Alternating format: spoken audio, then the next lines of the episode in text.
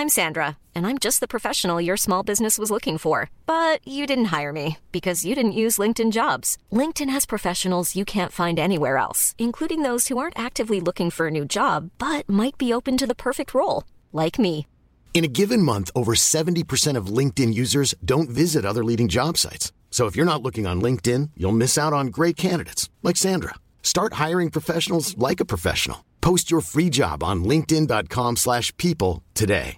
A lot can happen in the next three years. Like a chatbot may be your new best friend.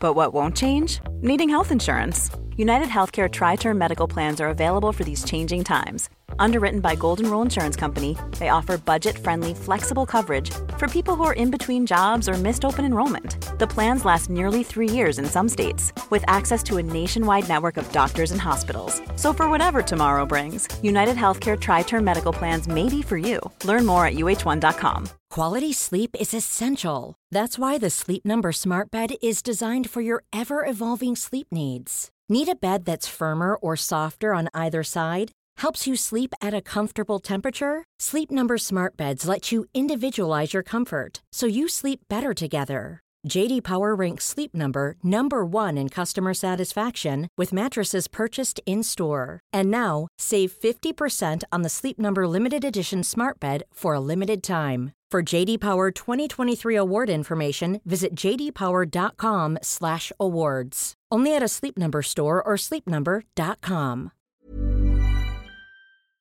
Gjenklang.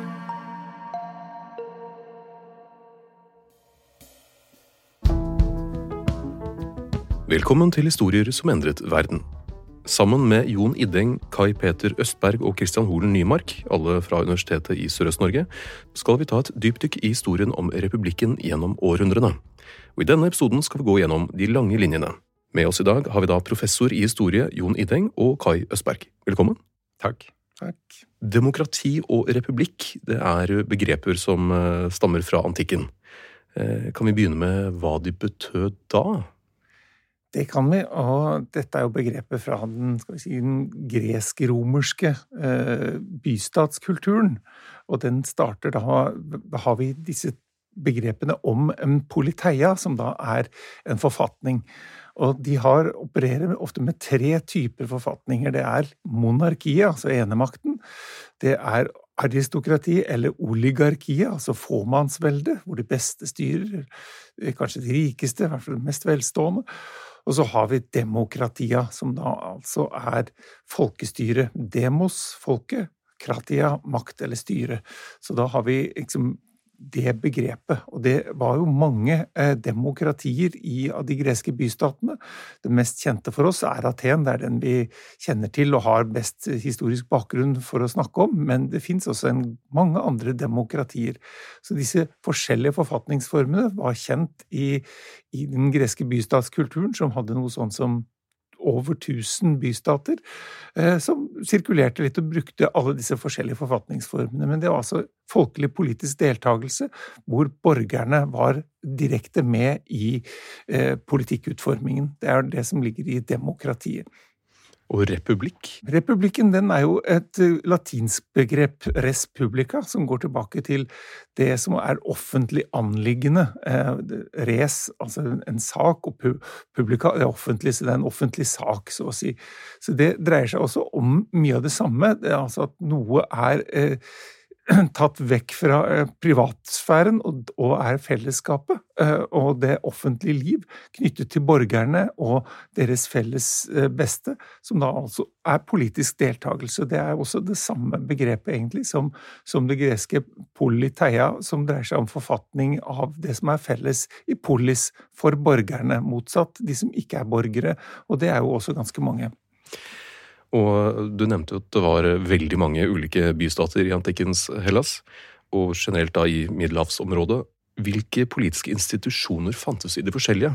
Alle var vel ikke demokratier? Nei, alle var ikke demokratier. Eh, så noen var jo rett og slett eh, monarkier, som vi sa. De er, eh, hadde en enehersker.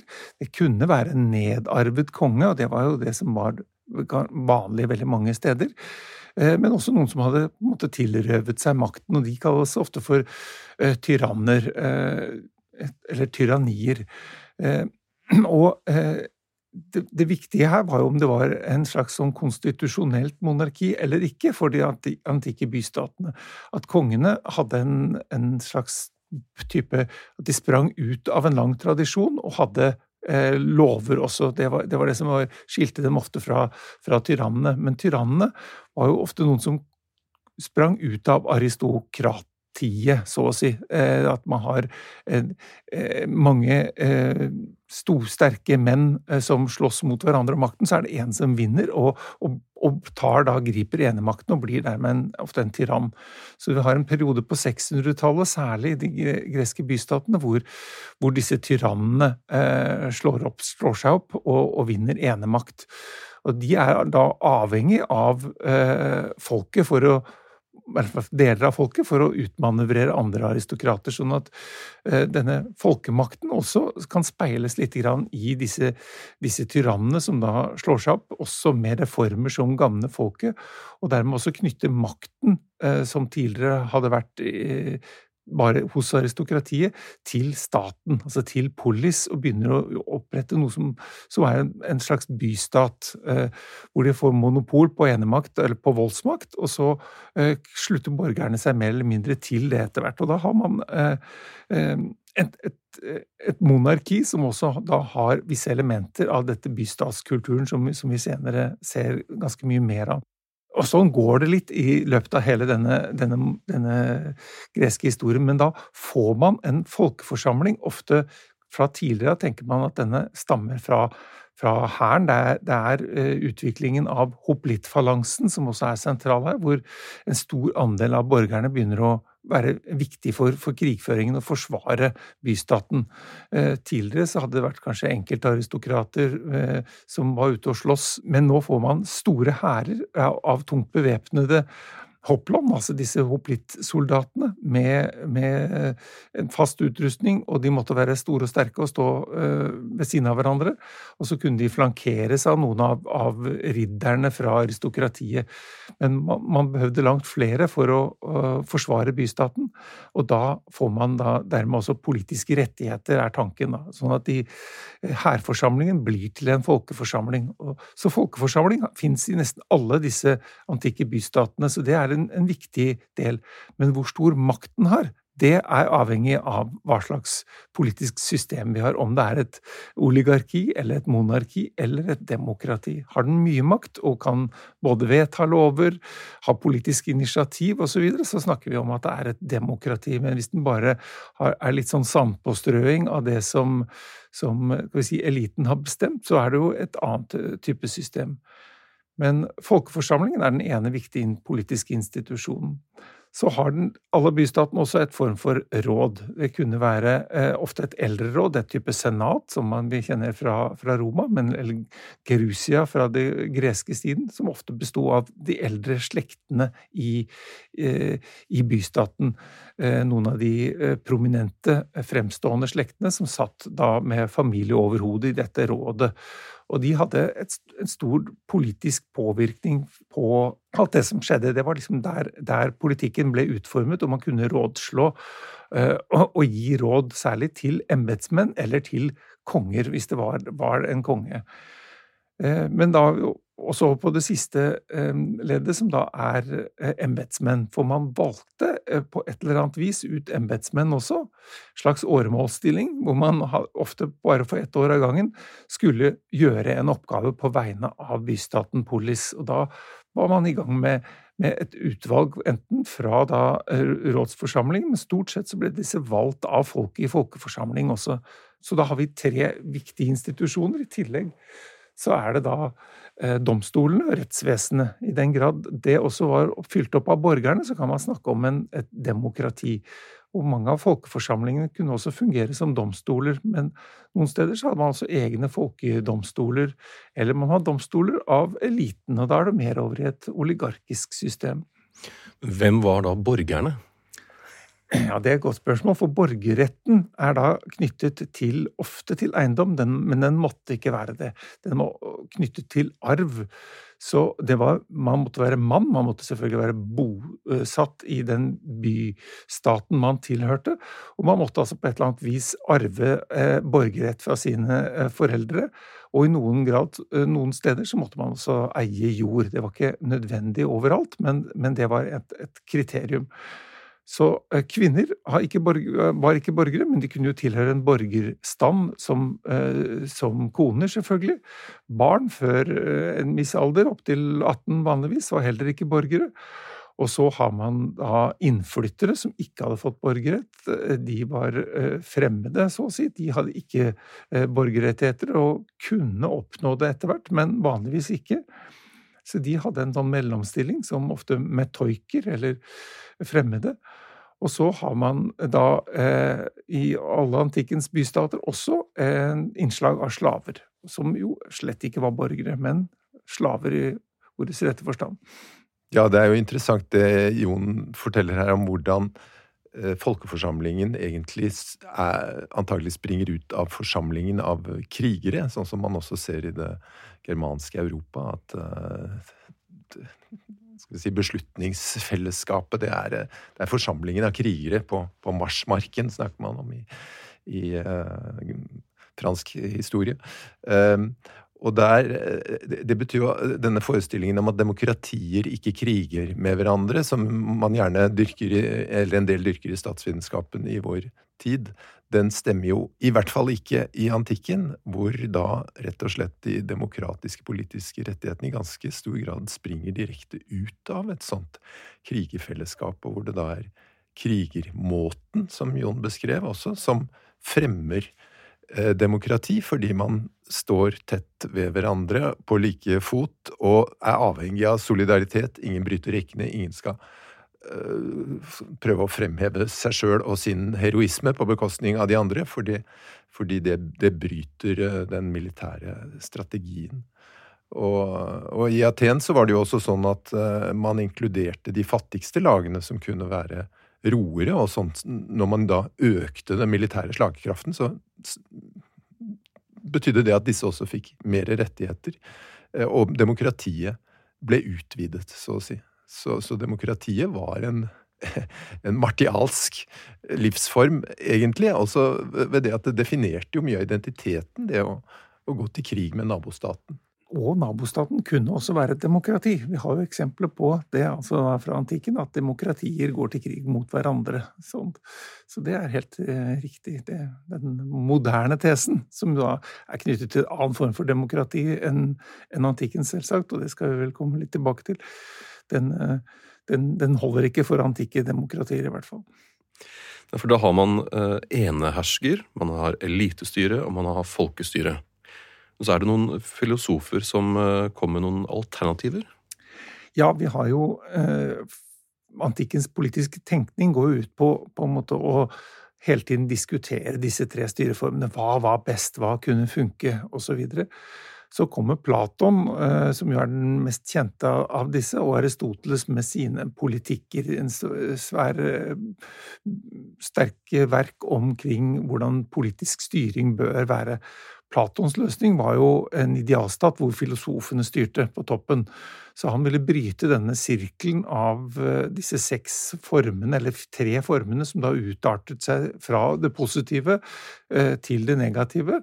Der, derfor så snakker de ofte om seks forskjellige styreformer. Det, det, det positive monarkiet og det negative tyranniet osv. Eh, helt ned til demokrati og pøbelvelde, som det utvikler seg til der. Han ville bryte det ved å la eh, filosofene eh, styre.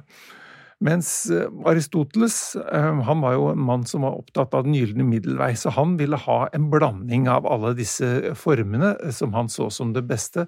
Og det aller beste var selvfølgelig hvis, den, hvis det bygde på gode lover som hensyntok både elitens interesser, den særegne, spesielt dyktige mennesker som kunne da være i embetsform, så å si, og, og, folket som skulle ha sin, sin medvirkning. Så dette var hans eh, ideal. Og det blir jo på mange måter også plukket opp igjen av eh, Polyb, som er den som beskriver det romerske systemet, den romerske republikken, nettopp som en blandingsforfatning, og sier at det, er det som er årsaken til at Roma lykkes i å ekspandere og bli en stor og sterk stat. Og da igjen har vi som dette begrepet om at, uh, at også ekspansjon, også det å bli større, også det å krige og vinne over naboer og, og, større territorium og vise seg mektig, det var en viktig del også av denne tanken om, om hva republikken eller disse, denne, en eller annen form for folkelig politisk deltakelse også var, var viktig og, og, og, riktig for å oppnå. Da. Ble noen av disse utenom da Roma, f.eks. Platons idealstat, ble det brukt noe sted? Nei, Platon Sidiastat han, han, skulle forsøke å, å eh, skape den i Syrakus, men eh, når han kom dit, så var ikke denne tyrannen som hadde satt han i arbeid med dette, han var ikke så interessert, viste det seg. Så Platons eh, idealstat ble en stor skuffelse. Det var vel også et annet forsøk på å, å sette i gang noe eh, lignende, men det, det, fikk aldri noe fart i seg. Derfor så sier Polyb også at eh, i diskusjonen om alle disse statene, så kan man, så kan kan man egentlig ikke ta inn Platons idealstat, for den har ikke vært prøvd noe sted. Så han sier at det er jo som å sammenligne en statue med ekte mennesker. Så vi kan, ikke, vi kan ikke si at den er god eller dårlig, men, for den har aldri vært prøvd. Så, så han, var, han, var, opptatt av nettopp at ting skulle fungere, og han pekte da på, på nettopp dette. Eh, men så faller jo den romerske republikken til slutt sammen eh, etter Polyb, og Polyb var jo sjøl fra Peloponnes og hadde, var en slags sånn gissel eh, i Roma. Men han var veldig fascinert av den romerske republikken, men han var der i den store ekspansjonstida på, på 100-tallet før vår tidsregning. Eh, men når eh, republikken til slutt faller sammen i Roma, vi får eh, masse Vi får disse keisertid og, og strid og problemer, så forsvinner jo denne ideen om borgerlig politisk deltakelse gradvis bort så får den en renessanse utover eh, i, i, den italienske eh, bystatskulturen noe seinere, hvor man igjen oppdager eh, Aristoteles, som da har blitt oversatt på ny til latin, så de kan lese det.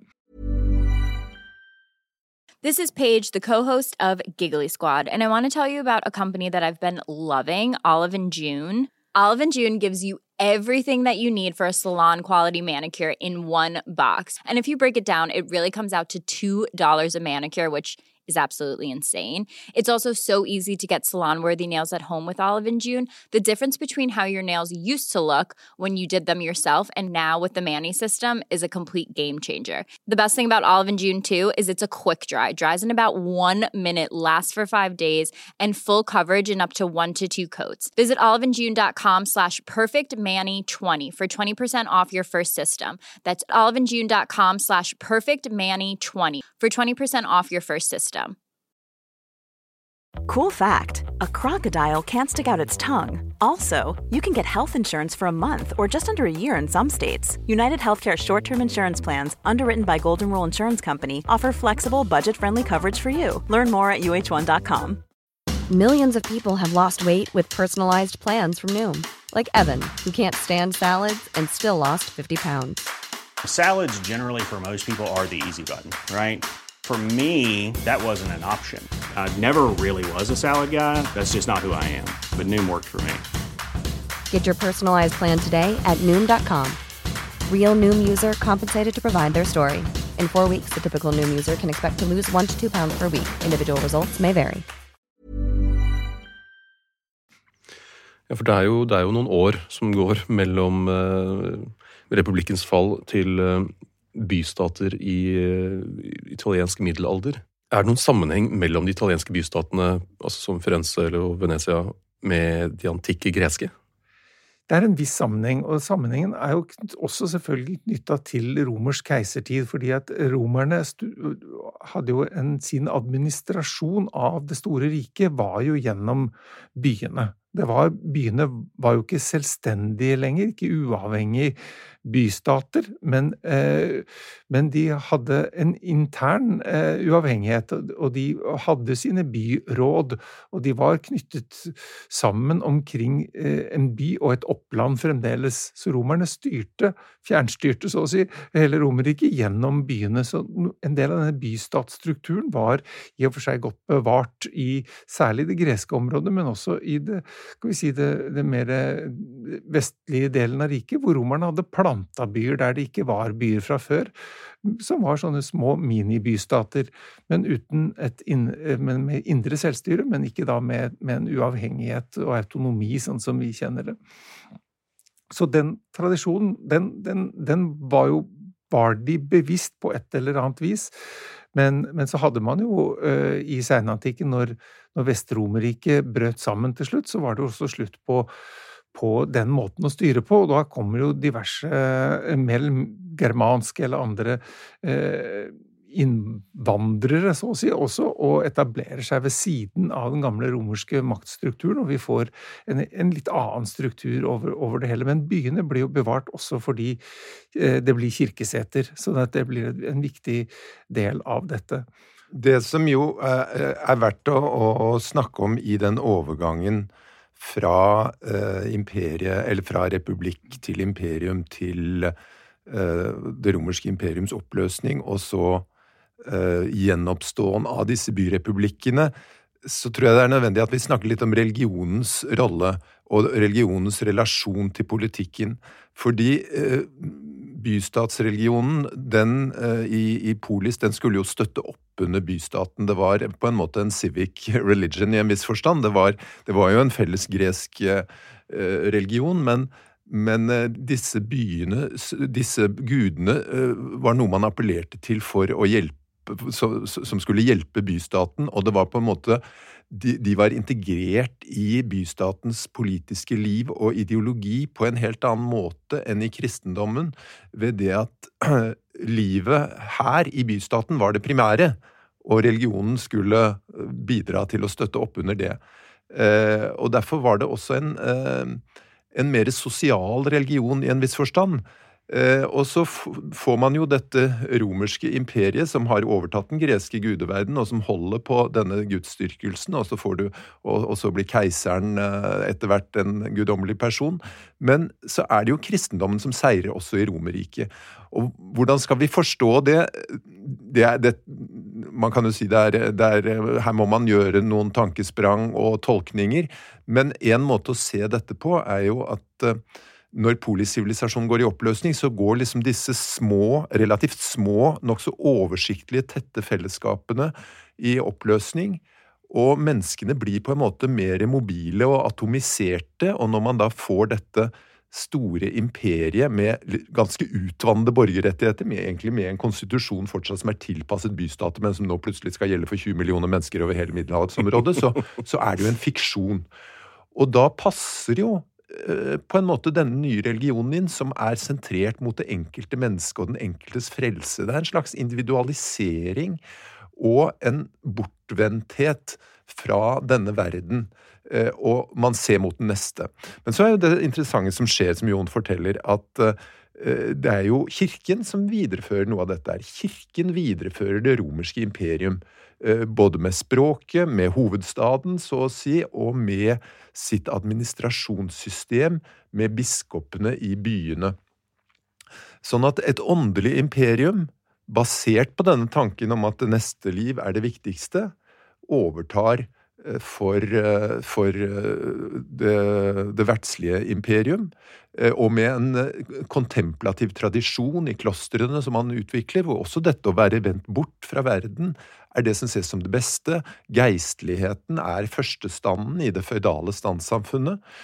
Eh, men, men så, så, får jo da den verdslige imperietanken sin renessanse. For dette er jo, det er jo da de, de, germanske invasjonene som fører til at Romerriket faller, eller det er de germanske kongene som overtar.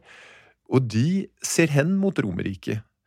Eh, og så blir det jo en, en slags en allianse mellom det hva skal vi si, denne åndelige resten av det romerske imperium i form av pavekirken, og gjenreisningen av det romerske vertslige imperium i, i, form av disse germanske kongene som blir til keisere. Og det er jo Karl den store som er liksom virkelig startpunktet der. Og så etter delingen av Frankrike så får man, får man da disse Får man etter hvert det tysk-romerske riket. Og, og, og, grunnen til at vi må ta runden om dette her, er at eh, hva, hva, er det som gjør at bystatene i Nord-Italia blir så sterke og uavhengige? Jo, det er at disse to delene av dette imperiet, eh, altså den verdslige delen og den kirkelige delen, de ligger i konflikt med hverandre. For det er jo sånn at kirken i vest den har opparbeidet seg en helt annen autonomi enn religiøse institusjoner har gjort noe annet sted i verden, egentlig. Så, så, pavekirken blir jo en så sterk maktfaktor, også på det verdslige området, at den etter hvert utfordrer sin partner, keiseren, og denne konflikten kommer jo rundt eh, det er, det er på tusentallet at den virkelig topper seg, og du får det gregorianske programmet, og kirken krever uavhengighet. Og i denne striden mellom pave og keiser så er ingen av dem sterke nok til å slå hverandre helt. Og Det betyr at det blir litt et maktvakuum hvor disse sterke handelsrepublikkene som Det, jo, det er handels og hånd, handel og håndverk som gjør at de, de, blomstrer såpass mye etter hvert. De er altså kirkelige administrasjonssentra og får inntekter på den måten. Men så er det veldig mye handel og håndverk i Nord-Italia, hvor de da kan ha en uavhengighet som man i Sør-Italia ikke har, fordi keiseren har mye større kontroll. Så Det er nøkkelen til at de kan begynne å utvikle sitt eget selvstendige liv og bli de facto suverene eh, republikker med en nominell overhøyhet fra keiseren, men hele tiden men, og også med en indre strid mellom keiservennlige og pavevennlige, altså disse gibelinere og, og gelfer. Eh, men de har disse Eh, de, de, de, eh, har disse byrådene, og de oppretter Eller det de oppretter først, er konsuler, etter, Rom, etter, etter forbilde av, av romerne. Eh, konsuler som da er en slags ja, tilsvarende konger i disse uavhengige bystatene. Men de har også men, men før det så har det jo da vært, vært biskopen som har uh, faktisk stått som en, en slags sånn lederfigur for, for, den uavhengige bystaten. Så kommer disse konsulene, og så etter hvert så er det de aristokratiske familiene som dominerer mer og mer. Og så kommer bredere lag inn, særlig noen av dem. Firenze blir den mest demokratiske, hvor man da har et et større byråd. Også Venezia har et, uh, har et stort råd. Uh, sånn at man får noe av de samme institusjonene som man har hatt tidligere, med en litt annen variant. Det er ikke, det er ikke på langt nær så bred folkelig deltakelse som i, i de atenske demokratiene, men det er det er tanken om at folket skal engasjere seg i statsstyret, er der. Og det innebærer jo en, en begynnende vending bort fra kristne, dette kristne idealet om at den riktige verden er et annet sted. Og denne, i denne verden så gjelder det på en måte bare å forberede seg på den neste verden, og dermed kan man akseptere en høy grad av hierarki og politisk passivitet, så å si. Det var egentlig en veldig lang omvei fram til det poenget med, med, kristendommen. Men så begynner man jo å tenke annerledes om dette, og der får jo Aristoteles blant annet en funksjon. Aristoteles får jo da en, en renessanse når han på nytt blir oversatt her. Eh, men, og det er verdt å merke seg at Eh, demokrati i Aten, som vi jo er opptatt av nå, som lærer om på skolen, og, og, og tenker om at dette er, her er vårt utspring, så å si, men moderne demokrati, det er jo helt glemt. Og i den grad det er eh, husket på, så er det som et type pøbelvelde hvor, det, hvor ting kunne gå helt feil. Eh, så det å skulle gi folket politisk deltakelse og medbestemmelse eh, fullt ut, det var helt utenkelig for eh, for både romerne og denne ettertiden, eh, når den republikanske tanken begynner å komme opp igjen også. Eh, og i noen grad, som Kai forteller her, så var jo republikkene ble jo på en måte også de oppstod jo uten at de hadde en stor sånn politisk republikansk tanke også, men man begynner å utvikle dette når man igjen leser Aristoteles, og etter hvert også Polyb. Men det man hadde lest hele veien, det var Livius, og det var Cicero. Og da kommer jo den store politiske tenkeren på banen, nemlig Machiavelli, som eh, da eh, både var en, en, politiker i denne republikken Firenze, som ble skjøvet ut, sendt i eksil, han ble til og med torturert og, og, kasta i fengsel under Mediciene i Firenze. Skjøvet ut, og så begynner han da eh, Eller han fortsetter på sine verk om, om politikk, for han, han er, blir ekstremt engasjert i dette. Og da er det to verk han er kjent for aller mest kjent er han jo for fyrsten, som jo er dette verket om eh, kan vi si den, eh, som, som, Hvor man mangler enhver enhver moral, hvor det bare er om å gjøre å, å, å, å vinne eh, makten på alle midler er, er, godtatt fra en enkelt fyrste. Mens det, det for, for vår del mye mer interessante verket diskorsi, eller dialoger over Livius Titus' ti første bøker, hvor han diskuterer da den tidlige romerske republikken, før Roma hadde blitt et stort imperium, eh, og holder det opp mot de, de italienske bystatene eh, og sammenligner fram og tilbake hele tiden med hva som gikk feil i noen av disse bystatene, og hva som er riktig, og hva som fungerer her og der. Og da er det den tidlige romerske republikken, og hvordan spenningen der mellom elite og folk ble løst. Hvordan det også, eller eh, ikke også ble løst, men hvordan det spiller inn i politikken og faktisk blir en viktig del av, av eh, Romas ekspansjon og drivkraft, det at det var denne, denne misnøyen mellom folk, at det, det, fungerte som en slags eh, Skal vi si en eh, noe som igangsatte noe større, da. noe som var viktig for, for en drivkraft i, i politikken. Eh, og også, også, en drivkraft, sier Machiavelli, for å skape solide politiske deltakerinstitusjoner, så å si, som, som skaper stabilitet. Han sier at de, disse konfliktene mellom plebeierne og patrisierne, det er ikke noe svakhetstegn. Eh, det er eh, Hvis de hadde gått over alle støvelskaft, ville det kunne rive staten i stykker. Men en, en, konflikt som munner ut i institusjoner som gir rettigheter til de som gjør protester, det styrker staten. Så, eh, og det er jo en tanke som vi kjenner senere fra, fra europeisk historie også, at et, et folk som bare underkaster seg, det har ikke den samme livskraften. Sånn at despotiet er på en måte svakt, da, eh, er tanken. Og, men det som jo er interessant med Machiavelli, er Hvis vi ser på ryktet hans i forhold til det som Jon nevner, med, med at hans mest kjente bok er Fyrsten, hvor på en måte alle den en vanlig moral er ikke tillatt, eller den har ikke noen verdi, osv. Her er det bare det som kan sikre makten og sikre statens overlevelse, eh, som er viktig. Det er jo sånn han er blitt stående i ettertid, som den store kyniker. Og det bildet er jo ikke feil. Eh, men man må se det inn i den sammenhengen som det, som det oppstår. Og man må se det også på bakgrunn av det, hans egentlig republikanske idealer. For det var jo ikke sånn at han ønsket seg en verden av tyranni, men han er på en måte en fryktelig pessimistisk republikaner, som han har, har sett republikken gå dukken i Firenze, og, det, og, og alle de italienske bystatene unntatt Venezia blir uh, styrt av uh, fyrster etter hvert. Og i den situasjonen så sier han at når da de republikanske dydene har gått fløyten, så må den som skal kunne holde ro og orden, eh, bruke disse maktmidlene. Da eh, og det er noe som henger igjen fra det republikanske idealet. Da nytter det ikke med den der himmelvendte fromheten. Så det er liksom oppgjøret med eh, Det er Machiavellis modernitet, oppgjøret med den kristne tanken om at eh, hvis vi er fromme og gode og lydige, så går det bra med oss.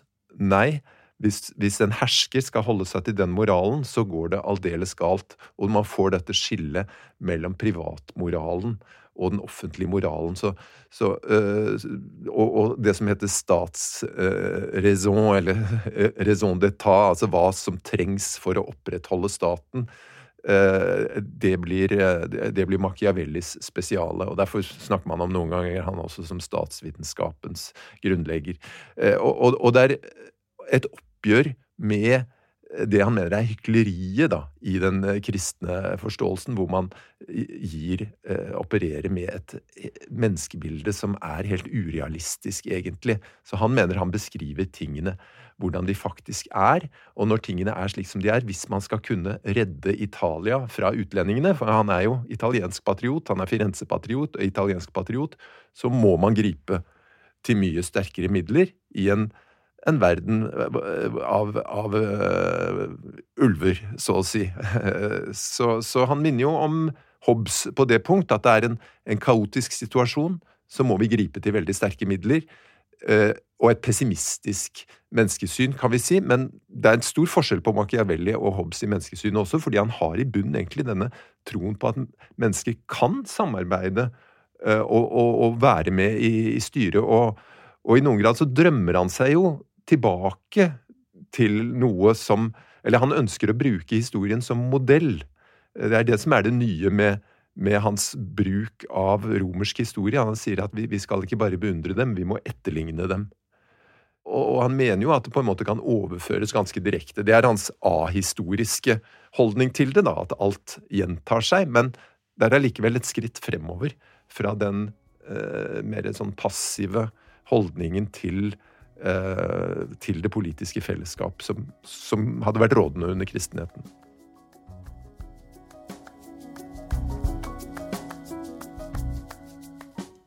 Gjenklang.